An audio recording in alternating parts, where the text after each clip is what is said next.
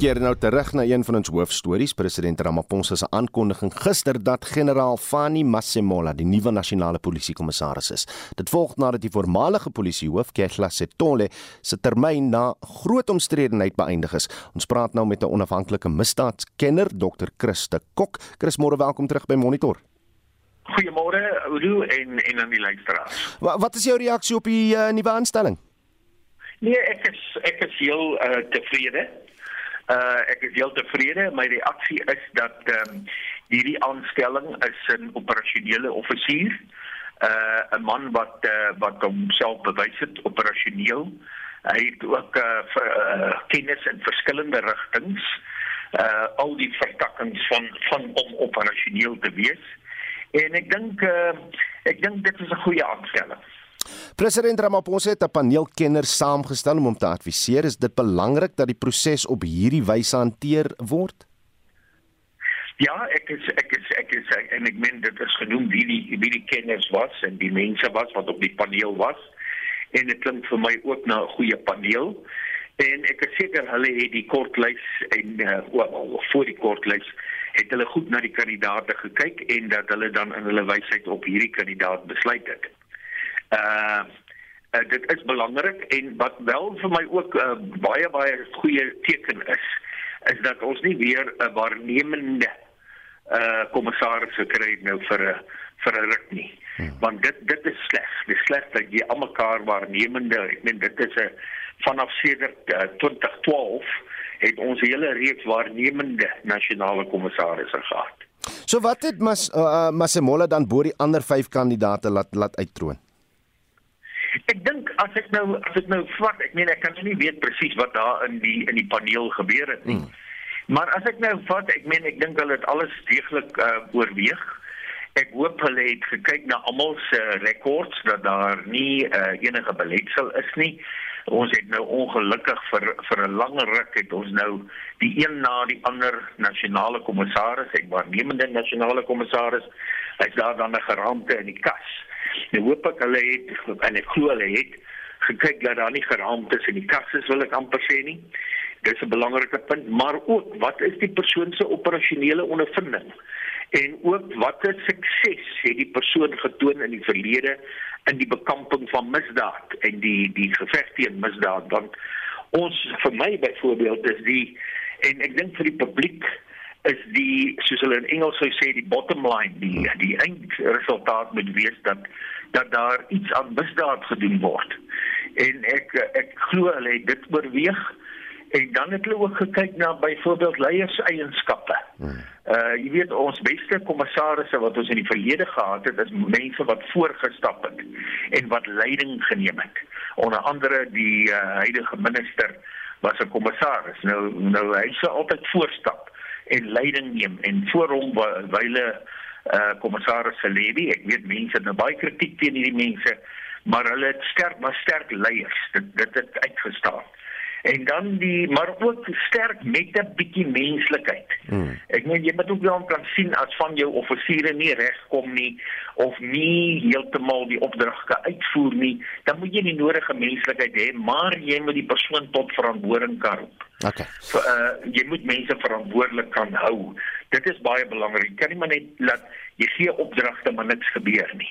So so vir diegene by die huis wat nou nog niks weet oor meneer of generaal uh, Masemola nie. Wat het hy met sy 22 jaar in die in die uh, beroep gedoen? Uh, waarmee was hy bedrywig net voor sy aanstelling as kommissaris?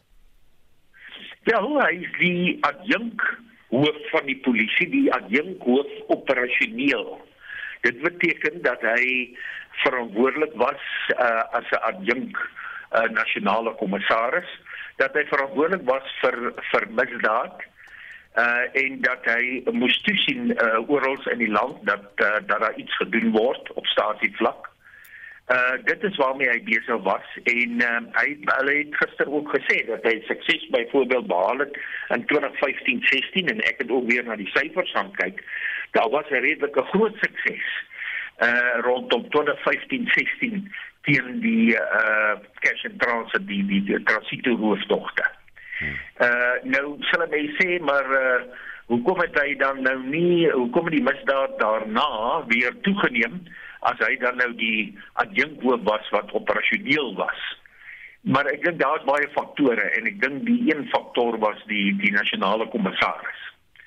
Uh en ek dink as as hierdie man is nou die nasionale kommissaris en ek glo hy sal die verantwoordelikheid vat om te toe te sien dat ons misdaad nie meer net aan aanhoudend styg nie soos in die afgelope van sedert 2012 nie. Alright, dit was die onafhanklike misdaadkenner Dr. Chris de Kok. 19 minute oor 7 ons praat nou ook hier oor met een Cameron, die direkteur van gemeenskapsveiligheid by die burgerregte organisasie Action Society. Een, môre welkom terug by Monitor. Eers net jou reaksie op die aanstelling uh van Fanny Masemola as die generaal. Dankie Udo. Ehm um, ek uh, ek wil sommer Ek wil sommer baie regtig uh, sê dat ek dink waar beter kandidaate was. Ek hou van Masimola as persoon. Die bietjie wat ek al met hom te doen gehad het, was hy baie aangenaam. Maar ons het nie net iemand aangenaam nodig om nou die nasionale kommissaris van polisie te wees nie. Ons het nie 'n uh, ordentlike, uh, eerlike uh wel, nie korrupte polisiekommissaris gehad vir die afgelope 2 dekades nie. Uh en uh, en en ek dink dit is verskriklik belangrik dat ons iemand het wat gerespekteer word deur laer range in die polisie, maar Semola is beslis nie daardie persoon nie en hy kom glad nie oor as 'n sterk leier nie. Uh waar ek met hom 'n uh, gesprek gevoer het met met vorige nasionale kommissarisse by, het hy gewoonlik net geja en geamen en hier blyk dit baie dieselfde te wees. Sitole was 'n uh, Zuma man uh uh in uh, in in hy het maar net gegaan waar uh, waar die wind hom gewaai het. En nou het ons 'n man wat onder die Zuma era gedien het en nou gaan hy dien onder die Ramaphosa era en dit blyk of hy ook maar net op die heining gaan sit. Dit maak ook nie sin dat hy 'n jaar van aftrede is nie. Hoekom sal ons iemand aanstel as ons binne 'n jaar weer 'n volgende nasionale kommissaris moet kies as ons iemand soos byvoorbeeld Lucky Nkosi gehad het? Wat uh, wat nog 'n goeie 12 jaar in die polisie oor het en 'n uitstekende leier is en ons verskeie ander voorbeelde ook. Maar eh, kom ek sluit net daaraan want as jy sê daar was meer bevoegde mense onder die kortlys, wie anders was op die kortlys en dan moet ek seker net aflei dat jy 'n 'n probleem het met die met die proses van die aanstelling ook. Al was twee goeders en ek wil nie onnodig pessimisties wees nie, want ek dink dit is goed dat daar ten minste 'n paneel was wat aangestel was. So ons verwelkom dit en ons is bly hmm. dat dit gebeur het. Maar ek dink die slim ding sou gewees het om dooie rus te vat, tyd te vat en hierdie 'n openbare proses te maak, dit te kommunikeer aan die publiek, seker te maak daar's mense vanuit die privaat sektor ook betrokke wat ek hoor daar was, wie dit was, weet ek nie. Um, en ook selfs uit burgerlike instansies, maar om regtig dit 'n lywige proses te maak en seker te maak dat dit ehm um, dat dit regtig uh, uitmekaar geskeur word en dat ons doodseker maak ons maak die regte keuse. So so, so dis die paneel gedeelte. Ehm um, wie die ander uh, of die sterker kandidaate sou wees, die huidige Gauteng uh, provinsiale kommissaris Erias Mawela, ek dink hy is 'n uitstekende voorbeeld, operasionele man, uh, maak tyd op die grond. Hy het 'n bietjie kontroversieel rondom hom gehad maar uh, maar bitter min in vergelyking met ander. Iemand soos Lucky Mkhonazi uh was al vir 'n baie kort tyd, 'n hele paar jaar terug, uh, 'n uh, tydelike nasionale kommissaris. Hy was uh, is provinsiale kommissaris van KwaZulu-Natal. Hy was 'n taakmaglid, 'n spesiale taakmaglid op sy dag uh verstaan die polisie deur die range gekom en hy was nie net 'n uh, 'n strategiese aanstelling nie. Dis iemand wat strategie en operasies goed verstaan. Nou, ek is nie 'n 'n polisieman nie hmm. en uh, en hulle sal na my verwys as 'n haasman. Maar van buite af en die kennis en die en die kontakte wat ek het aan die binnekant en wat ek verstaan van hulle staan beide Mawela en Mnkonazi uh, baie ver uit hoe 'n Masemola om die nasionale kommissaris te wees. Een uh, ek seker jy het nou al die bespiegeling uh, gesien dat dat Masemola se verhouding met Becky Cele net te nou is. Wat is jou mening? Kan jy enigiets uitbrei daaroor? Wel ek dink Becky Cele moet afgedank word. Hy is 'n uh, hy's 'n absolute niks werd uh, minister van polisie. Hy is voorheen afgedank as die kommissaris van polisie en nou het hy eintlik 10 jaar later 'n bevordering gekry na die minister. So dis absurd. So maar as ons praat oor die verhouding, dink ek dit is 'n gevaarlike verhouding. Ehm um, wat ek nog nie mooi kan verstaan nie is dat beide Cele en Sitole is volgens my uh Zuma manne en tog hou Ramaphosa vertel hy daar wat my laat wonder wat het Cele op Ramaphosa hoe hou hy hom eintlik nou aan 'n lyntjie om hom in diens te hou, maar dit is 'n gevaarlike verhouding. Ek stem nie saam met wat Sapo gesê het nie. Ek het gisterand in 'n onderhoud saam met Sapo het ek gehoor hulle gesê die verhouding maak nie saak nie, maar natuurlik maak dit saak want hierdie tipe verhoudings is juis waarom daar soveel korrupsie is in die polisie. Dit moet in ag geneem word en ek is bekommerd daaroor dat Masemola met al die vorige kommissarisse saam met wie hy gedien het nog nooit die vletjie geblaas het nie. Iemand soos Komotso Paglane hmm. het platant korrupte aktiwiteite gepleeg en steeds het Masemola nie opgestaan teen hom en sy sê gesê hy kon sy werk verloor het, maar nietemin ten minste het hy integriteit gehad en sy sy sê gesê. Okay, net so 'n minuut uh, as groep Action Society is ook van mening dat dit blyk die ANC nie wil hê die polisie moet behoorlik funksioneer nie. Verduidelik net hoekom jy so dink. Wel, ek dink hulle gaan uitgevang word. Ek dink die die tempo waarteen hulle belastinggeld steel is is uh, asemrowend. Ek dink voor die 2024 verkiesing waarvoor hulle baie bang is, uh gaan hulle soveel as moontlik probeer steel. Ek dink natuurlik ook dis waar baie van die konflik van Setoli en Cele vandaan gekom het. Ek dink die twee het op mekaar se tone begin trap met aktiwiteite waarmee hulle nie moet besig wees nie en en hulle moet my maar anders bewys indien dit nie so is nie. Ehm um, so ek dink nie die ANC wil hê dit moet funksioneer nie. Anders het hulle nou 'n goeie beroepskommissaris aangestel wat 'n hele paar jaar voor hom het. Nou het hulle iemand gekies beroepspersoon met tyd 'n jaar in die polisie oor het wat nog altyd op die draad sit, wat nog nooit sterk standpunt ingeneem word nie en wat nie gerespekteer word deur grondvlakke nie. Dit sê vir my Telle gaan aanhou inmeng. Hy dink nog steeds hy is eintlik die kommissaris. Hy gaan nog steeds tonele vertrap en Ramaphosa saam met die res van die ANC gaan nog steeds die polisie misbruik as hulle eie persoonlike of eerder politieke eystervuis. Dit was Ian Cameron, die direkteur van gemeenskapsveiligheid by Action Society. Kom ons keer nou terug na die diefstal van 89 miljoen rand by die poskantoor in die tweede helfte van 2021. Vir meer hieroor praat ons nou met die waarnemende bestuurshoof van Postbank, Kevin Martins. Kevin, môre, welkom by Monitor. Môre, hoe gaan dit? Nee, ek kan nie kla nie. Kan ons uh, miskien net begin om om om weer 'n bietjie konteks te skep. Verduidelik net eers kortliks wanneer po Postbank in werking gestel is en wat presies julle funksie is.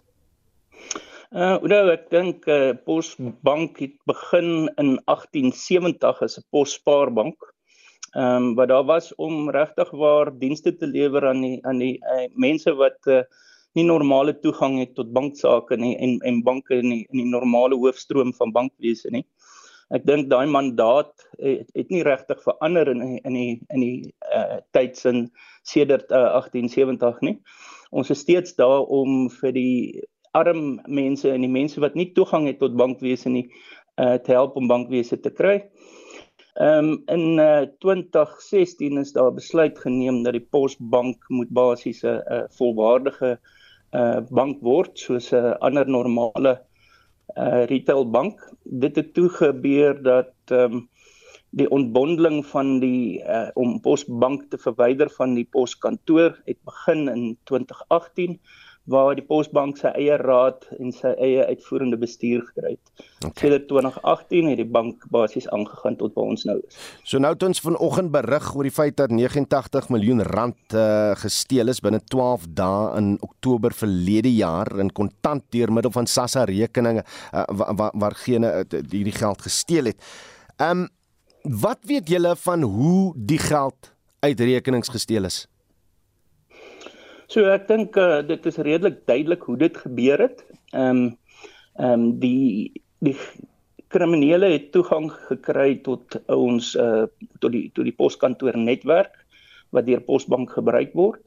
Hulle het toe die database uh toegang gekry deur uh, uh basies uh, gebruikers te skep wat uh supergebruikers is. daarmee het hulle balanse verander van rekeninge uh, en uh, hulle het kaarte ge, geskep deur die normale bankproses wat by die by die takke gebeur en en hulle het uh, balanse uh, geskuif na na na groot balanse toe wat hulle toe onttrek het en daarna het hulle die balanse weer terugverander na na wat die waardes was voor hulle die kriminele aksie gedoen het. Kan kan dit plaasgevind um, het kan dit plaasgevind het sonder die samewerking van julle werknemers, julle direkte werknemers? So die inligting wat nodig was om hierdie tipe van diefstal te te te doen is duidelik 'n baie goed beplande georganiseerde misdaadaksie. En dit kon definitief nie plaasgevind sonder interne inligting nie wat wat ehm um, beide poskantoor, posbank en ander uh, ander mense wat naby die stelsel is se inligting nodig gehad het. So het julle nou al so hierdie werknemers, het julle nou al vasgestel wie hierdie werknemers is? Het julle al vas vasgestel of uh, of, of enigiemand betrokke was wat, wat vir die poskantoor werk? So daar sou is daar sou is 'n uh, uh, baie detailed uh, ondersoek in gang en uh, daar is nie 100% sekerheid wie almal betrokke was nie. Daar is definitief sekere mense wat ehm um, geondersoek word deur die uh, Suid-Afrikaanse polisie uh van wat organiseerde misdaad ondersoek sowel as interne ondersoekspanne, maar ek kan nie vir jou detail gee van presies watter mense en en en presies watter poste ondersoek word om die integriteit van die ondersoek te beskerm. So die, die ondersoek sou nou al November verlede jaar begin het. Ons trek nou hier by April en en julle is nie wyser wie agter die steel van 89 miljoen rand is uit julle rekeninge nie. Nee, ek kan nie vir jou sê dat ons um, 100% sekerheid het presies wie dit is nie. Ons weet presies waar die kaarte um, uitgereik is by watter takke deur watter uh, gebruikers uh, gebruikers IDs gebruik is maar um, uh, ons kan nie vir jou sê ons het 'n uh, 100% sekerheid dat ons weet wie sit agter die, die die groter prentjie. Ons het vroeër met 'n uh, joernalis gepraat wat wat noukeurig gekyk het na hierdie storie en en dan wil ek nou jou, jou net vra uh, in sulke gevalle hoe lank het julle uh, volgens die, die wet om om die reguleerder uh, te laat weet dat die geld gesteel is? So ek dink die Reserwebank ehm um, verwag dat mense as jy uh, onder hulle beheer is uh, binne binne 48 uur of 72 uur aan hulle rapporteer. Ehm um, dat jy vir hulle 'n uh, uh, soort van 'n initiële uh, insig gee oor wat het gebeur. Ehm um, en, uh, uh, en en dit het ons gedoen. Ons het verder ook uh, onmiddellik toe ons agterkom dat hierdie uh, ehm um, 'n diefstal is, het ons die inligting en uh, affidavits basies aan die uh, Suid-Afrikaanse georganiseerde ehm um, misdaadeenheid gerapporteer en 'n saak oopgemaak. Hulle het verdere inligting gekry van uh mense wat wat hulle kom ondervra het uh binne die eerste week na uh in in terwyl die insident gebeur het. Intussen wat sê julle kliënt Sassa? So Sassa is natuurlik nie baie gelukkig hieroor nie met met goeie redes. Maar um, ek moet vir jou sê dat geen SASSA kliënt um, sal geld verloor deur hierdie nie. Dis soos enige ander bedrog op 'n SASSA kaart, Posbank ehm um, uh stuur nie hierdie verliese deur na die kliënt nie. Die SASSA kliënt verloor nooit die geld as daar bedrog op sy rekening is nie. Maar op die einde van die dag as niemand nou uh, gearresteer word of of tyd agter tralies sit nie dan dan is dit ons as belastingbetalers wat eintlik betaal ja, voor of nie. Dit is Posbank se geld korrek wat wat natuurlik 'n staatsinstelling is so dit is belastingbetalers se geld. Ehm um, die versekeraar kan moontlik en ek sê kan moontlik afhangende van uh, hulle ondersoeke 'n uh, gedeelte van die van die verlies uh, vir ons uh, terug terugbetaal, maar daai eis is nog uh, uh op hierdie stadium uh, uh in proses uh en en nog nie afgehandel nie. Kevin, ek moet vra, het, het jy enige vertroue dat dat iemand vasgetrek sal word in verband met die steel van die 89 miljoen rand? Enige vertroue? Ek het vertroue dat ons van die mense definitief kan vastrek, maar dit is um, nie noodwendig die mense wat uh die syndikaat bedryf nie. Uh ek dink die uh, ondersoeke wat deur die georganiseerde misdaad afdeling gedoen word kan lei tot tot tot verdere arrestasies, maar hierdie hierdie tipe van goed vat vat ruk. Dit vat nie dis nie oornag dat jy hierdie tipe van komplekse syndikaate vastrek nie. So die mense so, wat nie sê So die mense wat betrokke was wat vir Postbank werk, hulle sit nog hoogs waarskynlik in hul poste by Postbank. Ehm um, waarskynlik. Ehm um, maar daar is van hierdie mense wat reeds ehm um, hoe sal ek sê ehm um, Het julle mense um, geskort? Is enigiemand geskort? Nee, niemand is geskort nie. Ja, die mense wat uh, daar's nie genoeg bewys om iemand te skort op die stadium.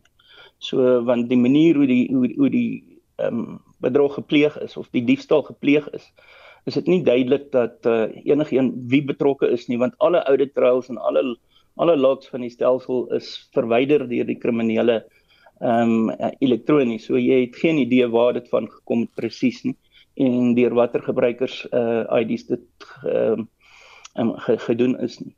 So maar mense naby die uh, mense wat naby aan die omgewing is of verantwoordelik is vir van hierdie uh, van hierdie stel is ondersoek alreeds en van hulle is ehm um, hoe sal ek sê uitgewys as nie deel van hierdie hierdie hierdie bedrog nie. OK, so los maar Kevin Martins, die waarnemende bestuurshoof van Postbank. Dis kommerwekkend dat iemand wat dalk betrokke was by die steel van 89 miljoen rand vandag lekker sy samies daar by Postbank gaan eet tydens middagete. Kommerwekkend. Reg, nou stel ek baie belang wat ons luisteraars te sê het oor 'n kom ek stel dit so 'n pay as you go huwelik. 'n Pay as you go huwelik. Jy het nogal gesê jy sou belangstel in so iets. Elke 2 jaar. Elke 2 jaar, nie eers elke 7 jaar. Met 'n opsie om te hernie. nou goed, as jy dit gemis het, ons het vir April gekke dag die volgende gesê. Onthou, hierdie is nie die waarheid nie, dit is 'n April gekke dag storie wat ons ehm um, opgediep het. Dit sê 'n nuwe wysigingswetsontwerp probeer om voorsiening te maak vir die jekerigheid as jy so hier by jou sewende huweliksherdenking uitkom en uh, dit sal bepaal dat getroude paartjies wat na 7 jaar nie hulle huwelikslisensies hernie nie outomaties geskei sal wees. Dis 'n grappie, dis nie die waarheid nie, maar sou jy te vind wees iemand. Daar's baie mense wat lekker saam lag op Facebook soos Jacques van Rensburg wat sê, "Hoeveel dae verlof sal ek dan moet insit vir elke 7 jaar want binnelandse sake is nie versies nie, glad nie prakties nie." Maar die Brit sê tongenetjies, my ouers was Dinsdag 64 jaar getroud.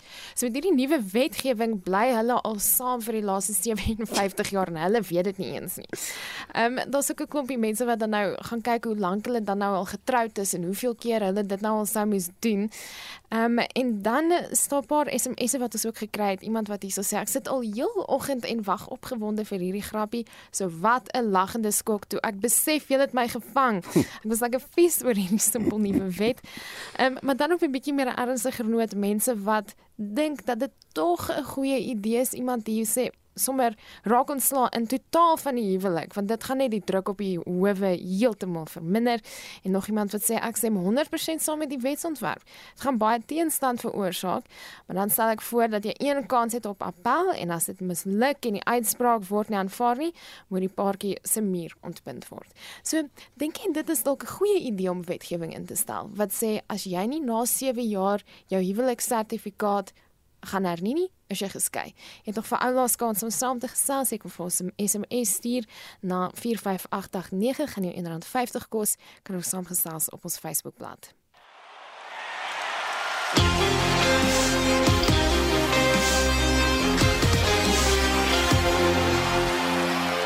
Beweeg nou na die sportveld met Shaun Jooste. Het nog 'n besige naweek in die sportwêreld wat voorlê. Loer ons nou na van die jongste tellings en uitslae. Op die cricketveld pak die Proteas en Bangladesh mekaar op Kingsmead in Durban in die eerste van twee toetse. Suid-Afrika begin dag 2 later op 233 vir 4 in hul eerste beurt met Themba Bavuma op 53 en Calverine op 27 nie uit nie voor die penne. Die kaptein Dean Elgar het ook 67 lopies aangeteken. Pakistan het die tweede wedstryd van hulle eendagreeks teen Australië gister met 6 paaltjies gewen en sake is nou gelykop met 1 elk. Die Aussies het 348 op die tellbord geplaas en Pakistan het die telling met nog 6 balle oor verbygesteek. Die derde en beslissende wedstryd word môre gespeel. In die IPL reeks het die Lucknow Super Giants 'n wedstryd wat meer as 400 lopies opgelewer het met 6 paadjies teen die Chennai Super Kings gewen. Die Kolkata Knight Riders en Punjab Kings pak mekaar vanmiddag 4uur.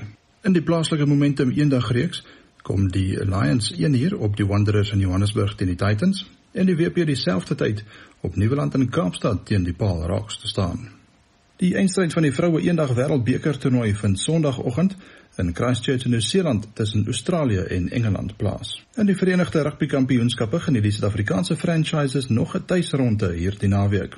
Die Sharks meet vanaand half 8 in Durban teen die Dragons, die Bulls môre 2 uur in Pretoria teen Ulster, Lions kort na 4 in Johannesburg teen Edinburgh en die Stormers kwart oor 6 in Kaapstad teen die Ospreys kragte.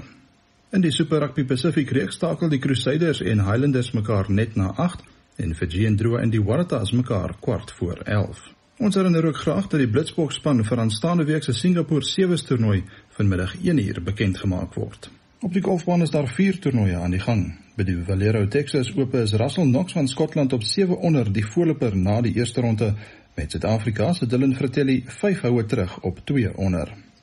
Die Suid-Afrikaner Henny Du Plessis is een van 6 voorlopers op die Sonskynreeks Limpopo Kampioenskappe en staan op 7 onder. Die Suid-Afrikaanse vroue ope is in Kaapstad aan die gang en Becky Broerton van Wallis het 'n 4-hou voorsprong en staan op 7 onder.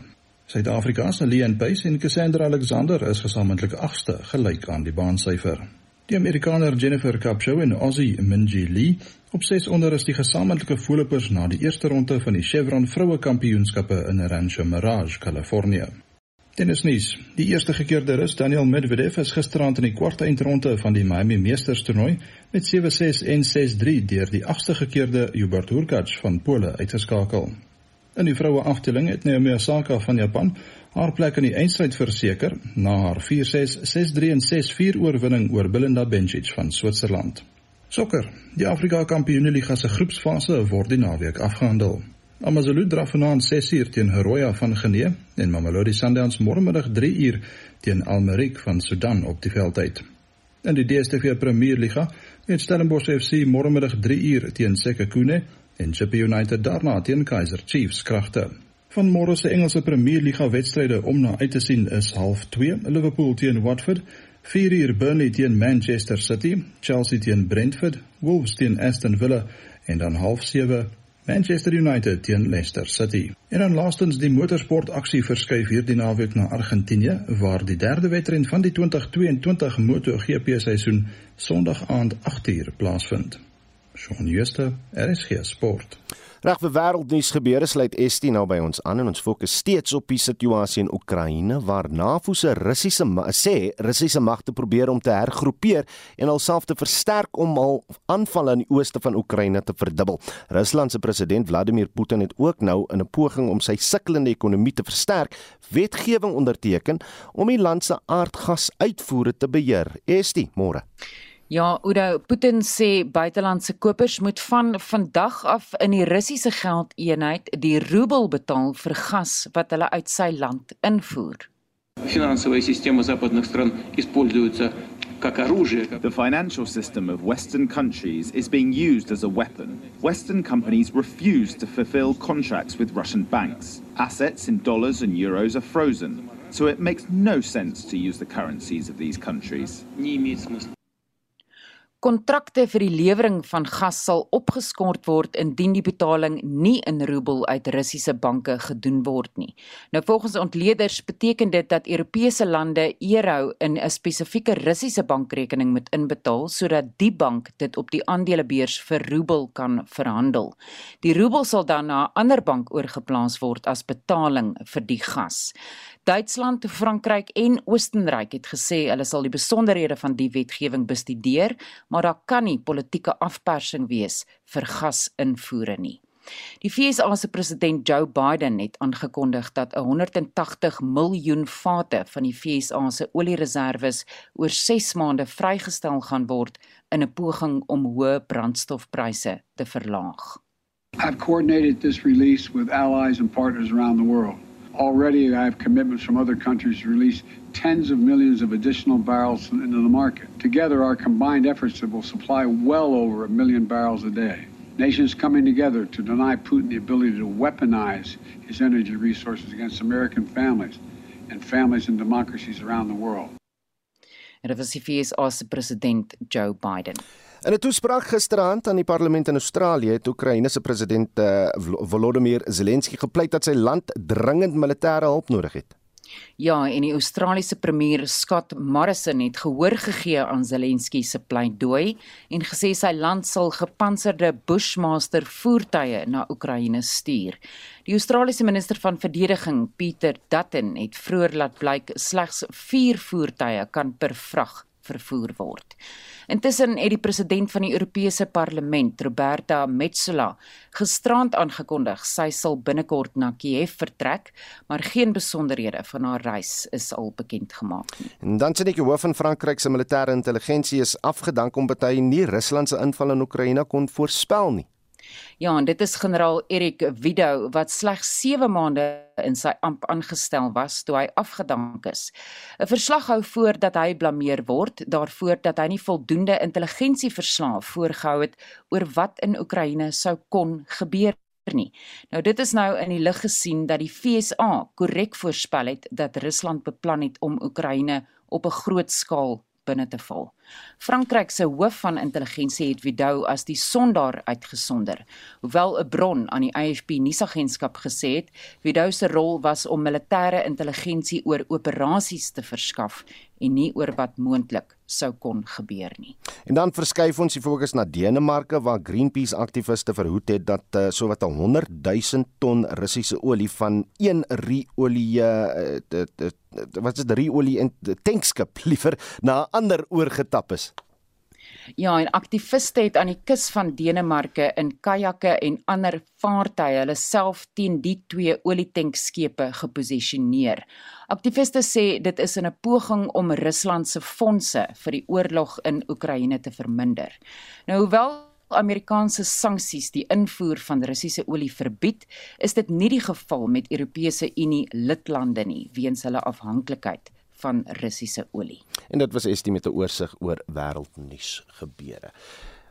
Tyd stap nou aan na 13 minute voor 8 en in sy laaste fliekrubriek voordat dit na naweek aktueel uh, aktueel toe skuif op 'n Saterdag Leon van Nierop goeiemôre welkom goeiemôre Udo nou nou ons gaan begin met die aksiefliek ambulance en ek het die, ek het die voorskou gesien en net aan myself gedink wie het eintlik afgeteken op die begroting om die ding te maak. Dis sommer dit dis sommer dit 'n Michael Bay film is. Kyk, mm, Michael Bay mm. maak vreeslike treffers. So dis hoekom. Oor 'n maklike antwoord, maar ons moet deur die rolprent lei.